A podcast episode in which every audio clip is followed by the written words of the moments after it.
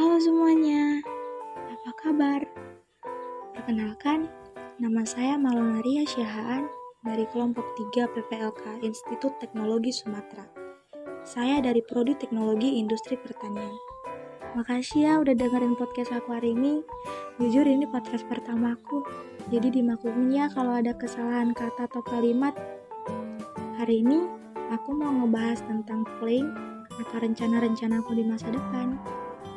Hmm, tahun ini aku menjadi mahasiswa baru di salah satu institut yang ada di Indonesia.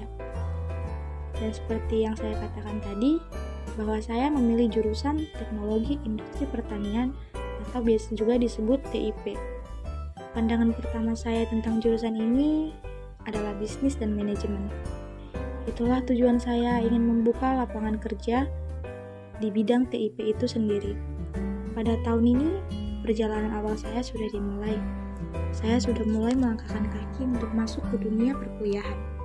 Buat ke depannya, saya berharap dapat belajar mengenal lebih jauh lagi tentang apa itu jurusan yang saya ambil, lingkungan yang akan saya tempati, serta teman-teman dan kakak-kakak tingkat yang akan saya temui. Sehingga saya bisa menjalankan tugas saya sebagai salah satu mahasiswa yang berkeinginan belajar dan mendapatkan IPK yang tinggi. Dan saya juga berharap saya dapat berkembang sendiri dan melatih diri saya untuk mengambil suatu keputusan. Hmm, di semester 1 dan 2 mungkin saya cuma akan mengukuskan diri buat belajar dan beradaptasi. Dan rencana saya di semester 3 dan 4 saya akan mulai ikut memasuki organisasi-organisasi baik dalam jurusan, fakultas, atau bahkan organisasi kampus. Karena bergabung dengan organisasi akan sangat bermanfaat bagi saya untuk melatih diri agar lebih baik lagi. Untuk di semester 5 atau mungkin sampai semester akhir, saya berencana untuk melakukan magang dan menyelesaikan skripsi dengan baik.